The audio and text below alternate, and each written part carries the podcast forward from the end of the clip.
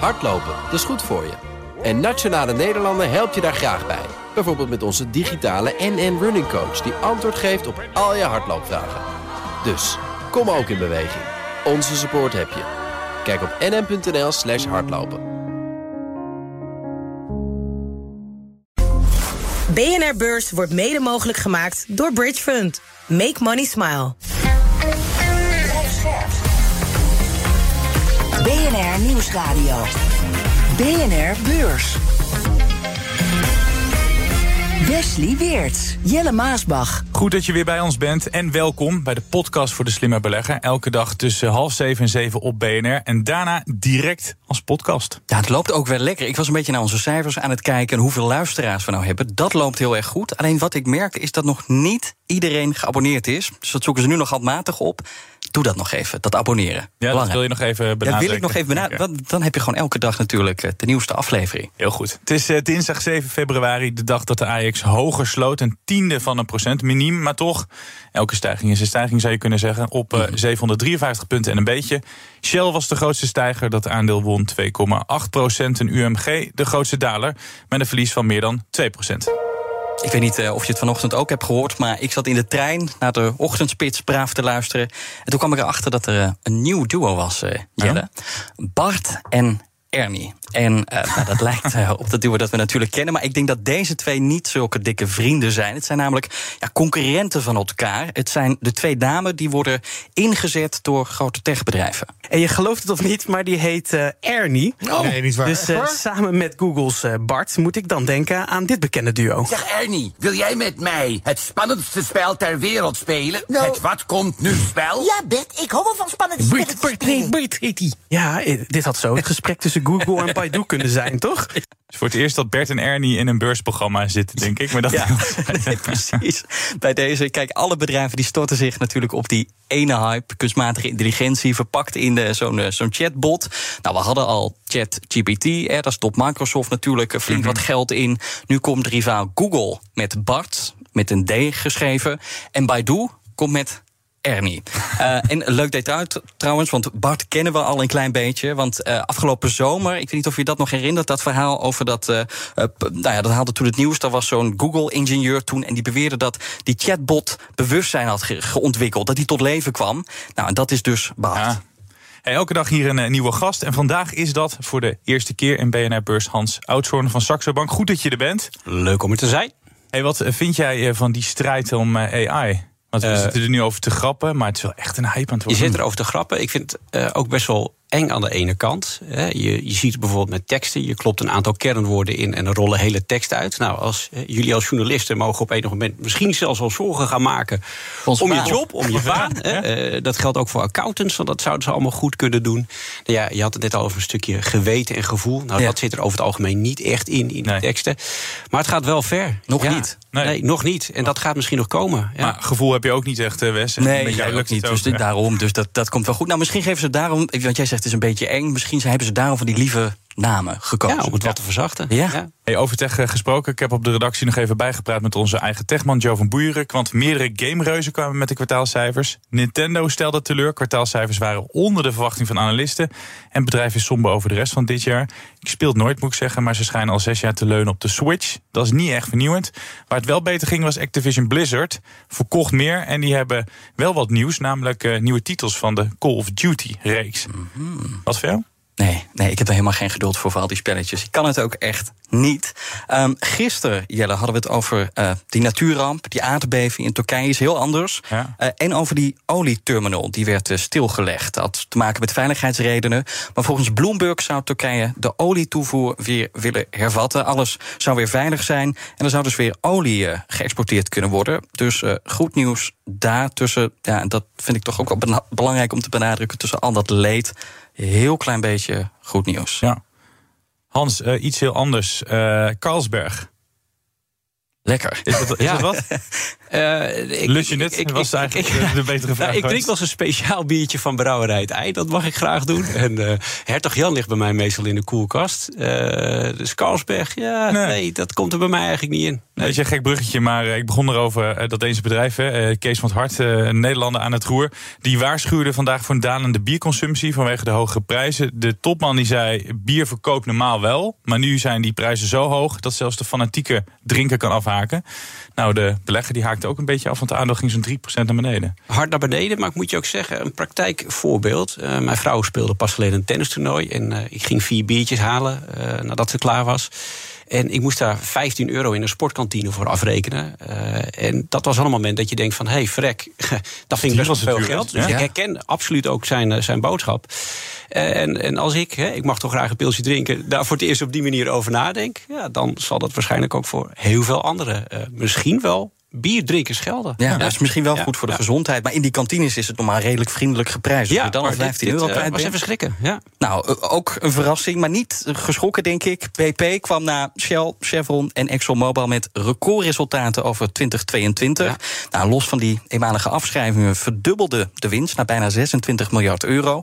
Alleen het frappante was dat BP de investeringen in olie en gas toch weer gaat opvoeren. Het investeert daar 8 miljard dollar meer in. En het bedrijf komt dus terug op een eerder besluit om die productie te verlagen. Ja. Want het plan was 2030 reductie van 40 procent. Nu is het plan 2030 reductie van 25 procent minder olie. Uh, vergeleken met 2019. En toen ik dat hoorde, toen moest ik denken aan uh, wat ik econoom Arnoud Boot eerder hoorde zeggen hier op BNR. Dat ging toen wel over de recordwinsten van Shell. Maar in feite was zijn boodschap een waarschuwing die ging over alle olie- en gasgiganten. Op het moment dat je een onmisbaar bedrijf bent... en je bent onmisbaar vanwege de dominantie van fossiel... heb je er belang bij om het nieuwe tegen te houden. Ik wil hier zelfs op tafel leggen dat de investering van Shell... in het overnemen van duurzame bedrijven de afgelopen jaren... misschien bedoeld zijn om concurrenten uit de markt te houden... en om het duurzaamheidsproces te vertragen. Dat klinkt heel vervelend, maar dat is in lijn met je winstgevendheid op fossiel. Je moet het nieuwe vertragen. Ik zat er recht overeind toen ik hiernaar luisterde. Uh, was volgens mij voor het weekend. Hans, Shell en BP die hebben er belang bij, zegt hij, om het nieuwe tegen te houden, om dat te vertragen. Wat vind je van die kritiek? Uh, ik, ik, begrijp die kritiek wel, dat hij dat zegt. Hè, want daar ruikt het wel naar als je dit soort recordwinsten ziet. Nou ja, olie uit de grond halen is nog altijd dezelfde prijs, niet altijd duur. En uh, ze hebben dit jaar flinke winsten kunnen realiseren. Dus ze hebben alle belang erbij om dat ja, spelletje eigenlijk... Hè, daar had je het net over, spelletje spelen, -huh. door te blijven trekken. Um, alleen moet je je afvragen of dat spel op lange termijn houdbaar is. Uh, en ook voor jou als, uh, als belegger. Want wat mij betreft moet ze uiteindelijk ook wel gewoon meegaan in de energietransitie. Straks meer over de miljarden die BP verdient en of ze de prijzen bewust hoger houden. Maar we gaan eerst naar de State of the Union van de Amerikaanse president Joe Biden. Een soort van ja, troonrede van de Amerikanen. en dat is dit keer een hele belangrijke, zegt Amerika-correspondent Jan Posma tegen BNR Beurs. De State of the Union toespraak is het moment voor een president om op te scheppen over wat hij allemaal bereikt heeft. De toespraak wordt uitgezonden op alle nieuwszenders en er wordt dagenlang over gepraat. Dus na gedoe over die Chinese ballon en geheime documenten kan Biden nu eindelijk even zelf bepalen waar het over gaat. Deze editie is voor Biden extra belangrijk. Want als we zijn team mogen geloven, wil hij in 2024 voor een tweede termijn gaan. Dat maakt deze toespraak een soort officieuze aftrap van de campagne. Biden moet zichzelf verkopen en daarbij is de economie heel belangrijk. Hij zal natuurlijk de lage werkloosheid benadrukken en hoe ver Amerika is gekomen sinds corona. Maar Amerikanen voelen dat niet zo. Die zien vooral alles duurder worden. Dus hij moet Amerikanen ook overtuigen dat hij de oplossing is voor die inflatie en niet de oorzaak. Biden spreekt voor het eerst een verdeeld congres toe, want de Republikeinen hadden natuurlijk in november de meerderheid in het Huis van Afgevaardigden. Die Republikeinen heeft hij dus nodig voor toekomstige plannen en voor het verhogen van het schuldenplafond. Dus de vraag is daar, gaat hij in de aanval of doet hij een handreiking? Het is de tweede keer dat Biden hem geeft. Uh, vannacht uh, onze tijd. Er zit een plan in dat invloed heeft op de Amerikaanse beurs. Want hij zal gaan aankondigen dat hij de belasting op de inkoop van eigen aandelen wil verviervoudigen. En zo wil hij oliebedrijven pakken die enorme winsten maken. Ja, Hans, wat vind jij van, van deze maatregel? Het klinkt goed, of is het een beetje meer naar de bühne toe? Nou, kijk, uh, hij is democraat. Hij heeft plannen. Hij wil natuurlijk gaan investeren in infrastructuur, duurzaamheidsplannen. Daar heb je geld voor nodig. En um, ja, als je dan van 1% 4% gaat maken, neem je even Chevron als voorbeeld. Uh, kondigen een aandeleninkoopprogramma aan van 75 miljard. Ja. Ja, kost je dat 750 miljoen of 3 miljard? Nou, dat eh, scheelt nogal een slok op een borrel. Ehm, maar je moet je wel de vraag gaan stellen: wat doet dat op lange termijn? Hè, want dit lijkt met name een korte termijn beslissing. Wat doet het met je eh, vestigingsklimaat? Eh, er zijn wat onderzoeken. Hè, en als je het hebt over zo'n heffing die je invoert. eh, India heeft dat bijvoorbeeld ook gedaan. China heeft dat niet gedaan. En wat je op een gegeven moment zag ontstaan, dat vergelijkbare bedrijven uiteindelijk voor Indiaanse beleggers minder opleverden. En eigenlijk is dat vrij simpel, eh, want ze betalen meer belasting door dat soort maatregelen. En dan blijft er uiteindelijk minder geld over voor de onderneming en dus uiteindelijk ook voor die eindbelegger. En uiteindelijk stemmen beleggers met hun voeten. En zullen ze bij een vergelijkbaar risico altijd op zoek gaan naar de onderneming die het meeste oplevert? Ja, en eh, dan kan de vraag ook eh, gesteld worden aan Biden: wat betekent het voor de lange termijn? Maak je jezelf niet onaantrekkelijk Ja. eh, als, als land om te vestigen? En denk je dat En die vraag is niet gesteld, denk ik. Nee, en dan denk je ook echt dat die bedrijven dan denken... dan gaan we hier weg? Of zal het zo'n vaart niet lopen? Nou, ik, ik denk niet dat die Amerikaanse bedrijven dat zomaar zullen doen. Maar kijk naar Nederland. Dat dachten we ook dat het niet zou gaan gebeuren. En wij hebben inmiddels ook afscheid weg. van moeten nemen. eh, van een aantal echte eh, kopstukken ook van de Amsterdamse beurs. Nou, je Ja. hebt de onderzoeken goed gelezen. Eh, de Democraten die zeggen: dit gaat zorgen voor een gedragswijziging. Dat ze nu uiteindelijk meer gaan investeren in plaats van geld stoppen Ja. in, in het opkopen van eigen aandelen. Kan je daarin vinden? Ehm, kijk, dat doen ze, dat inkopen van die eigen aandelen op het moment dat het goed gaat. Echt, echt veel geld verdiend wordt. Hè, dan hou je je winsten ook op peil. Maar ja, op termijn als het een keer een beetje terugvalt. En die tijden hebben we ook gehad in de oliesector. Ja, dan zullen ze überhaupt geen aandelen meer inkopen. En daar speelt die regel ook niet zo. Dus het, wat mij betreft lijkt het een beetje voor de korte termijn. Nu hebben ze er wat aan, de Democraten. De lange termijn. Ja, stel ik de vraag: schiet je jezelf niet in de voet? Jij noemt eh, Chevron. Eh, dat scheelt inderdaad een slok op de borrel. 750 miljoen Ja. of 3 miljard. Ja. Wat als je dat soort Amerikaanse aandelen hebt... en die moeten in één keer veel meer belasting gaan betalen? Voor mijn beeldvorming, wat betekent dat dan? Nou ja, het, het kan betekenen dat de koers hè, eh, toch wat gedrukt kan worden. Omdat er gewoon echt geld uit de onderneming gaat. Ze moeten meer betalen. Dat betekent dat de waarde van de onderneming ook gewoon minder is. Eh, kijk, 3 miljard op zeg maar, de winsten die ze nu behalen, of 750 miljoen, dat kunnen ze wel dragen. Maar als je het grote plaatje bekijkt, ook de andere landen, de, of de andere bedrijven erbij die ermee te maken gaan krijgen, ja, dan gaat het uiteindelijk om grote bedragen Ja. die eh, niet meer naar beleggers gaan. En je raakt ook echt Amerikaanse bedrijven. Want Ja. eh, hier in Europa zijn we echt van het dividend. Ja. En daar zijn ze echt van het opkopen van eigen aandelen. Ja, ja. Eh, gaan zij dan die switch maken naar dividend? Of ga je die, die verandering in ieder geval niet eh, teweeg brengen? Durf ik niet te zeggen. Nee, eh, van oudsher kiezen ze toch de route Ja. voor het inkoop van eigen aandelen. Eh, ik verwacht niet dat ze dat direct zullen gaan veranderen. Want dat is, dat is ook echt het DNA zeg maar, van de Amerikaan. Maar ja, het, eh, het, het zet ze misschien wel op gedachten om dat anders te gaan doen. Maar ja, dan weet je dat ze misschien ook wel de belasting op dividend zullen gaan verhogen. Dus linksom of rechtsom. Hij wil er iets mee. Dat is in ieder geval wel duidelijk. Hij wil het heel graag. hij wil het heel graag. Maar krijgt hij het ook erdoor, denk jij? Ja, kijk, het werd net in de, dat voorstukje ook al eventjes gezegd. Had natuurlijk het eh, alleenrecht, of in ieder geval Huis van Afgevaardigden en de Senaat. Nou, dat heeft hij nu niet meer. Huis van Afgevaardigden is republikeins. Nou, die republikeinen zien dat plan totaal niet zitten. Eh, ja, en dan weet je, dan wordt het heel erg lastig om het er eh, doorheen te krijgen. Dus ja. hij roept het, maar ik vrees dat het heel erg uitdagend gaat worden. Die president voor Biden, die was een bescheiden man, hè? Donald Ja, J. Trump. ja, ja, die zei altijd dat hij de beste president was voor de beurs. Is Biden een beetje een goede president voor de beurs geweest? Nou, ehm, kijk, kijk, met Trump heeft natuurlijk een hele turbulente tijd gehad. Maar die heeft wel een flinke stijging ook eh, eh, ja, meegemaakt op de beurzen. Hij heeft uiteindelijk best wel wat voor elkaar gekregen. Dat wordt ook wel eens vergeten, op zijn manier. Maar als je kijkt nu, eh, sinds het aantreden van Joe Biden... de Dow Jones-index 9,5% hoger. Kijk je naar de tech-index Nasdaq, die is zo'n 10% lager. En eh, pak je de breed eh, samengestelde S&P 500... Nou, dan is het ongeveer plus 9,5.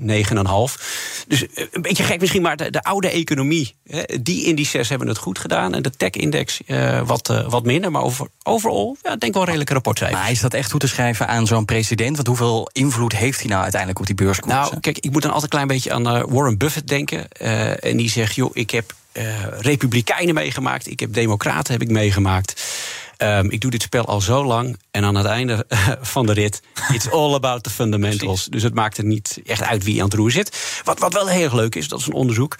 Um, politiek en de kleur van de beurs. Uh, wij hebben natuurlijk vier jaar dat je aan het roer kan zijn. Dat hebben ze daar ook. En wat je vaak ziet, die eerste twee jaar doen ze een beetje de vervelende plannetjes, dus belastingverhogingen. Nou, dat trekt hij nu nog een beetje door ook, hè, ja, zeg maar. Um, en dan de, de twee jaar, ja, eigenlijk, nu wil ik nog een termijn. Dan worden ze wat liever. En dan komen ze met de, de, de zoethoudertjes om politiek gewin eigenlijk af te dwingen. BNR Beurs. Ja, en dan Wall Street. Kleine koersuitslagen op de borden. De Dow Jones staat 0,3% hoger. De S&P 500 schiet er nu trouwens wel omhoog. 0,7% hoger. En de Nasdaq 1% hoger. Heeft waarschijnlijk alles te maken met Jerome Powell, die op dit moment in Washington bezig is. Um, investeerders, hij houdt een toespraak. En investeerders die zijn vooral benieuwd of hij iets gaat zeggen over die toekomstige rentestappen. Um, want ja, die rentevrees die keerde weer terug. Natuurlijk nadat ijzersterke banenrapport was afgelopen vrijdag. Uh, en nou las ik, uh, Hans, een interview van een collega van jou, Steen Jacobsen, in het FD. Uh, en dat ging ook, hij deed een paar opvallende uitspraken, onder meer over de inflatie. Want hij zegt, die inflatie die blijft nog jarenlang op zeker 4% En centrale banken, en dan gaat het dus over die rente, gaan in de tweede jaarhelft, dus tweede helft van het jaar, verder met die renteverhogingen, zegt hij. Denk je dat ook? Nou, kijk, het is altijd heel lastig om steen tegen te spreken. Uh, nee, nee je moet, je, je, moet eigenlijk nu op dit moment, als je naar de economie kijkt, naar de ontwikkeling van de werkgelegenheid kijken. Mm -hmm. um, uh, en dat zei ook al, vrijdag was hij heel erg sterk. Ja. Uh, de vraag is, blijft dat zo? en die rente hebben ze op weten te trekken, omdat die economie in Amerika gewoon nog ijzersterk is. Maar, maar je collega denkt dus dat dat nog wel even zo blijft. Ja, dat denkt hij. Uh, ik, maar jij niet. Toch ook een kleine kanttekening. Hè. Uh, gisteren hebben jullie het ook over uh, de ontslagen gehad. En volgens mij de afgelopen periode ook al. Maar je ziet mm -hmm. toch ook echt wel wat grote ondernemingen personeel ontslaan. En als je dat lijntje bekijkt, ja, dan is dat vaak ook alweer een beetje een voorbode voor wat er gaat gebeuren met de werkgelegenheid. En als die onder druk komt te staan, ja, dan um, is er niet zoveel ruimte meer natuurlijk om die rente te verhogen ja, verschillende uh, opvallers op uh, Wall Street. Ik wilde eentje uitpikken. Pinterest, bijna 5% uh, naar beneden. Vierde kwartaal viel tegen. Uh, ik vroeg me gelijk af, ja, wie ja, gebruikt het nog? Maar een discussie mij, daar ja. straks hierover, inderdaad. ik gebruik het nog, uh, Jelle. Ik ben een van de gebruikers. Ik vind ik, het dus hartstikke Ik stiekem hem ook af en toe. Ja, ja. Ik, heb, ik, heb net, uh, ik had vorig jaar een huis gekocht. En het is superleuk om dan dat hele huis in zo'n prikbord te zetten. BNR Beurs. Dan uh, terug naar BP en de miljardenwinsten van de olie- en gasbedrijven. Het ging net al even over die prijzen. Um, houden ze de hoge prijzen bewust in stand, denk je? Um, bijna een gewetensvraag. Je kunt ja. het je bijna niet voorstellen, maar het is wel makkelijk. En uh, ik denk dat je het ook wel herkent. Als de olieprijs stijgt, dan zie je dat vrij snel de prijs aan de pomp worden verhoogd. En waarom hebben we altijd allemaal het idee dat als de olieprijs zakt, dat dat toch eventjes wat langer duurt? Um, dus in die zin um, ja, zou het me niet verrassen als het inderdaad ook zo is. Maar daar zul je goed onderzoek naar moeten doen. Ja, wat niet zo te zeggen, maar de, de, ondertoon, het gevoel, begrijp ik. Wat vind je van de houding van die uh, oliebedrijven? Is weer een soort van gewetensvraag. Maar daar, ja. daar kun je ook als belegger naar kijken. Ja. Want die oliebedrijven die zeggen, uh, nou die trekken zich dat leed ook aan, zeggen ze in, in allerlei interviews met journalisten. Ze zeggen, nou ja, dat zijn dan niet per se hun woorden. Maar ik haal er een beetje uit van, ze zien zichzelf ook een beetje als de redders van die crisis. Want ze zeggen, de enige echte oplossing voor die hoge prijs is het aanbod verhogen. Ja, nee, klopt. Dat is uiteindelijk ja. uh, vraag en aanbod, dat is waar het om draait. En op het moment dat je het aanbod verhoogt, dan verlaag je ook de prijs. En kijk, vergeet niet dat de bedrijven ook voor gezorgd hebben dat de LNG deze kant op is gekomen. Zodat ze dus sowieso he, uh, hebben voorzien in de, in de energiebehoeften. Maar aanbod vergroten leidt uiteindelijk wel tot een lagere prijs. We hebben gezien nu dat dat de andere kant op kan gaan. Ja vraag en aanbod. Zijn die bedrijven daarin tegengehouden? Want dat lees ik ook dan heel veel terug. Want we hebben nu heel veel oliebedrijven de afgelopen dagen met cijfers zien komen. En wat ik daar dan ook een beetje in teruglees is... Uh, nou, die oliebedrijven zeggen eigenlijk... nou, landen, dat jullie nu worstelen met die schaarste... dat is ook deels aan jullie zelf te danken. Want er is grote druk geweest op een Shell, op een Exxon, op een BP... om minder te investeren in fossiel. En daarom zitten we in de problemen. Deels is dat ook zo. En uh, de keuzes die ze hebben gemaakt zijn in sommige gevallen ook wel eenzijdig geweest. Hè. Denk bijvoorbeeld aan de Nord Stream 1. En we waren ook al bezig met Nord Stream 2. Uh, maar dat hebben we wel gedaan richting Rusland. Mm -hmm. En de andere, zeg maar letterlijk en figuurlijk. Uh, pijpleidingen hebben we niet, hebben we niet gelegd. Uh, dus, en we waren afhankelijk. En uh, ja, daar betalen we nu wel de prijs voor. want die, dat kanaal is er niet meer. Nee. Uh, dus we zullen ook echt wel nieuwe moeten aanboren. Nou, tot zover alle gevoelige vragen. Maar ja. die, die, horen bij dit soort aandelen ja, natuurlijk. Want het zijn afwegingen. Breek ik er wel en niet in. En dit zijn mede de afwegingen. Even naar die resultaten van BP. Want de recordwinst door die hoge energieprijzen. Als je die afschrijvingen niet uh, meeneemt. onder meer in Rusland uh, natuurlijk. Wat viel verder op in de cijfers? Um, nou ja, wat opvalt is dat dat vierde kwartaal toch wel wat minder was vergeleken met het derde kwartaal. Ja. En je zag voor het eerst ook wat lagere volumes. Dat kan dan misschien ook wel een, een, ja, een signaal zijn dat de economie iets minder draait. Uh, wat je ook zag is dat de gashandel allemaal een klein beetje op een wat lager pitje staat. Mm -hmm. Misschien wat letterlijk en figuurlijk. En dat ze toch ook wel met wat hogere kosten te maken hebben gehad. Dus gewoon onderhoudskosten. En dat vond ik wel een aantal opvallende zaken... waardoor die winst lager is geweest dit kwartaal. Maar zeg je dan het kwartaal ervoor. de winst is laag omdat de vraag minder is? Uh, nou ja, kijk, dat, dat kon ik er niet 100% uithalen. Maar als ik dat, uh, die lijn even doortrek met de ontslagen die we zien nu ook bij grote bedrijven. Uh, toch ook wel de onzekerheid voor wat betreft de toekomst. Hoe staat de economie ervoor? Hoe gaat die zich verder ontwikkelen? verraste het mij ook weer niet dat je kon zien dat die volumes wat lager waren. Dus voor mij is het een, een extra zeg maar, signaal ja. dat we misschien wel wat aan het afkoelen zijn. Maar tegelijkertijd lees ik in jullie eigen outlook dat ja. het einde van die Chinese lockdowns dan weer een grote impuls gaat geven de vraag ja. naar die ruwe olie. Ja. Ja, dat is, India. Ja, ja, precies. Maar dat betekent dat dit maar een heel kortstondig tipje ja, is. Ja, nee, dit is de miek van de markt, absoluut. Ja, ja, Dus, dus blijven die olie- en gasaandelen dan ook dit jaar, 2023, interessant wat jou betreft? Nou, wat op zich wel leuk is ook, we stellen elke maand een serie vragen ook aan onze beleggers. En uh, een van die vragen is natuurlijk ook, waar ga je in beleggen? Waar wil je in blijven zitten? Nou, en uh, plek twee, dat is wel gewoon de olie- en gassector. Dus het is sowieso favoriet bij beleggers. Ook bij jou favoriet? Nou ja, ik zeg wel eerlijk, ik ga morgenavond een webinar verzorgen. En daarin komt de olie- en gassector ook voorbij. En ja, het is heel lullig, maar het zit nog steeds in elke vezel van de economie. Ik heb vrienden die in Tesla's rijden, maar er zit een hoop kunststof in. Is olie gerelateerd. Ja. Ze worden gebouwd in Shanghai, worden verscheept. Die schepen ja, die varen niet op uh, zonnepanelen. is ook allemaal nog olie. Mm -hmm. uh, dus we zijn er niet zomaar vanaf. Het zit in elke vezel van de economie even terug naar BP. Um, mogen ze meer investeren in de energietransitie? Ja, want alleen dan kunnen die vezels, die olievezels, wat, uh, wat minder worden. En dan kijken we wat morgen op de agenda staat. Het is de dag dat de drie A's, ABN AMRO, Axo Nobel en Adyen, met de kwartaalcijfers komen. ABN heeft naar verwachting fors minder winst gemaakt in het laatste kwartaal van vorig jaar. Al was de winst het jaar daarvoor wel hoger vanwege de verkoop van het hoofdkantoor. Bij Axo Nobel kijken analisten vooral naar de omzet. Is die eind vorig jaar gestegen of blijft het magertjes? Tijdens de coronapandemie ging zo'n beetje iedereen klussen en verven, maar Axo merkte dat niet. Het aandeel deed het die twee jaar ook niet echt denderend. Tot slot de derde, Adyen. Daar zal de omzet en winst in de tweede helft van vorig jaar met tientallen procenten gestegen zijn, is de verwachting. Ietsjes minder dan in de eerste helft, maar nog steeds een stijging. Daarnaast denken analisten dat Adyen, in tegenstelling tot andere techbedrijven, mensen gaat aannemen. Ook komt Disney morgen met de kwartaalcijfers. Daar hadden we het gisteren met Wim Zwanenburg mm -hmm. over. En daarbij letten analisten op de cijfers van Disney Plus. De vorige keer had die tak een verlies van anderhalf miljard dollar. En oh ja, de topman moest er toen uit. Ze zijn nu ook proef aan het nemen om, om te kijken of ze zeg maar de exclusieve catalogus, en die is natuurlijk bij Disney mega groot. Ja. Van alle sprookjes uh, tot aan uh, de nieuwe uh, blockbusters, ja. zoals Avatar 2 en The Way of Water enzovoort. Wat trouwens ook een mega hit is in de bioscopen in, in Amerika.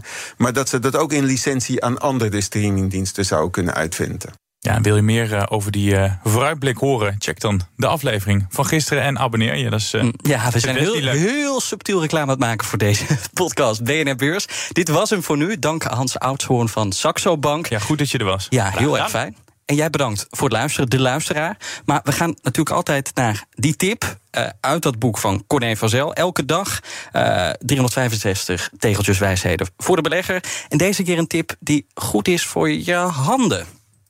Aandelen zijn net lucifers. Wie ze het langste vasthoudt, brandt zijn vingers. En dan zeggen wij tot morgen. Tot morgen. BNR Beurs wordt mede mogelijk gemaakt door Bridge Fund. Make money smile. Hardlopen, dat is goed voor je. En Nationale Nederlanden helpt je daar graag bij. Bijvoorbeeld met onze digitale NN Running Coach... die antwoord geeft op al je hardloopvragen. Dus, kom ook in beweging. Onze support heb je. Kijk op nn.nl slash hardlopen.